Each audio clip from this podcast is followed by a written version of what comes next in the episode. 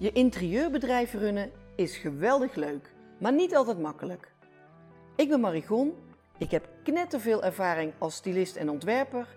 Ik ken de interieurbranche op mijn duimpje en ik laat je graag nieuwe invalshoeken zien voor waar jij als interieurprofessional tegenaan loopt. Hoe efficiënt ga jij om met je waardevolle uren? Doe je alles zelf, want je bent nou eenmaal een controlfreak, of je kunt het veel beter zelf? Of je hebt moeite om geld uit te geven of vul maar in. Misschien heb je wel een hele andere reden die voor jou heel logisch is. Welkom bij mijn wekelijkse podcast, waarin ik mijn visie geef op het vak van interieurontwerper en heel graag al jouw vragen beantwoord. En mijn herinneringen die gaan meteen terug naar de allereerste auto die ik zelf kocht. Het was januari 2000, vers gestart als interieurstylist. En ik verwachtte een hoop kilometers te gaan rijden. En dat zou vooral van winkel naar winkel naar fotostudio zijn, weer naar huis, naar de fotostudio en weer naar al die winkels waar ik spullen had geleend. Want ik deed namelijk in het begin vooral fotoshoots voor diverse interieurmagazines. En om die reden koos ik een Citroën Berlingo. Daar kwam lekker veel in. En het werd een knalpaarse, want ik kon hem namelijk met een leuke korting kopen. Want er was een energiemaatschappij die per ongeluk de verkeerde rolkleur paars had besteld en die wilde er heel graag snel weer vanaf. Ik blij en die kleur die had ook nog wel iets. En er lag altijd wel iets nuttigs in. Iets wat ik tijdens een fotoshoot nog net even nodig had. Een mooie kleerhanger, een geinig vaasje of een royale pleet. Ik dook gewoon tijdens een fotoshoot even in mijn rijdend magazijn en daar kwam de missing piece meestal wel uit tevoorschijn.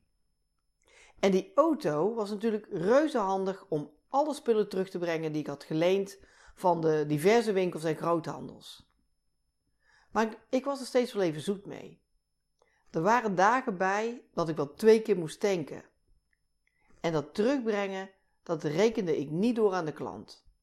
Ik vond eigenlijk dat dat er wel gewoon bij hoorde. Service van de zaak. En toch kreeg ik op een bepaald moment een inzicht. De dagen dat ik alles weer netjes terugbracht naar de leveranciers en naar de winkels, verdiende ik niets. Nada. Noppes. Sterker nog, het kostte me tijd en een bedrag per kilometer en ik kon die dag niet voor een ander project aan het werk, want ik zat achter stuur. Als een echte koerier. En vanaf toen ging ik op mijn offerte een koerier vermelden met een ingeschat bedrag. En wat denk je? Niemand protesteerde. Nieuwe klanten niet en bestaande klanten ook niet. Terwijl juist die gewend waren dat ik alles zelf ging terugrijden.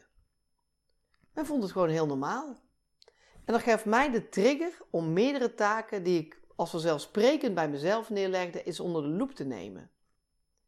En dit speelde zich ruim 20 jaar geleden af. Maar jij hebt vast een vergelijkbare situatie. Je stopt ergens uren in die je niet kunt verzilveren.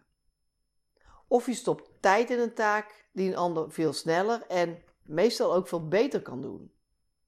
Een website in elkaar klussen, een visitekaartje ontwerpen, je administratie doen, of misschien wel een gewikkelde SketchUp maken of een technisch lichtplan ontwerpen. Het loont echt om al je werkzaamheden uit elkaar te rafelen Ga er eens rustig voor zitten met pen en papier. En schrijf op wat je weinig moeite kost en wat je heerlijk vindt om te doen. En noteer daarnaast ook wat als een soort van last op je schouders ligt en waar je eigenlijk ook helemaal niet zo goed in bent. En misschien ook wel niet zo snel. Plus en minnen dus.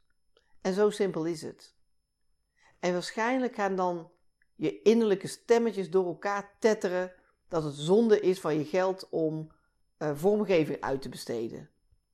En dat het je best wel gaat lukken om zelf uit te vogelen hoe WordPress werkt. En dat je echt wel ergens de tijd kunt vinden om je administratie te doen. En al de tijd die je aan dat soort klussen besteedt, ben je niet bezig met de core van je bedrijf. Niet met waar het in jouw interieurbusiness om draait.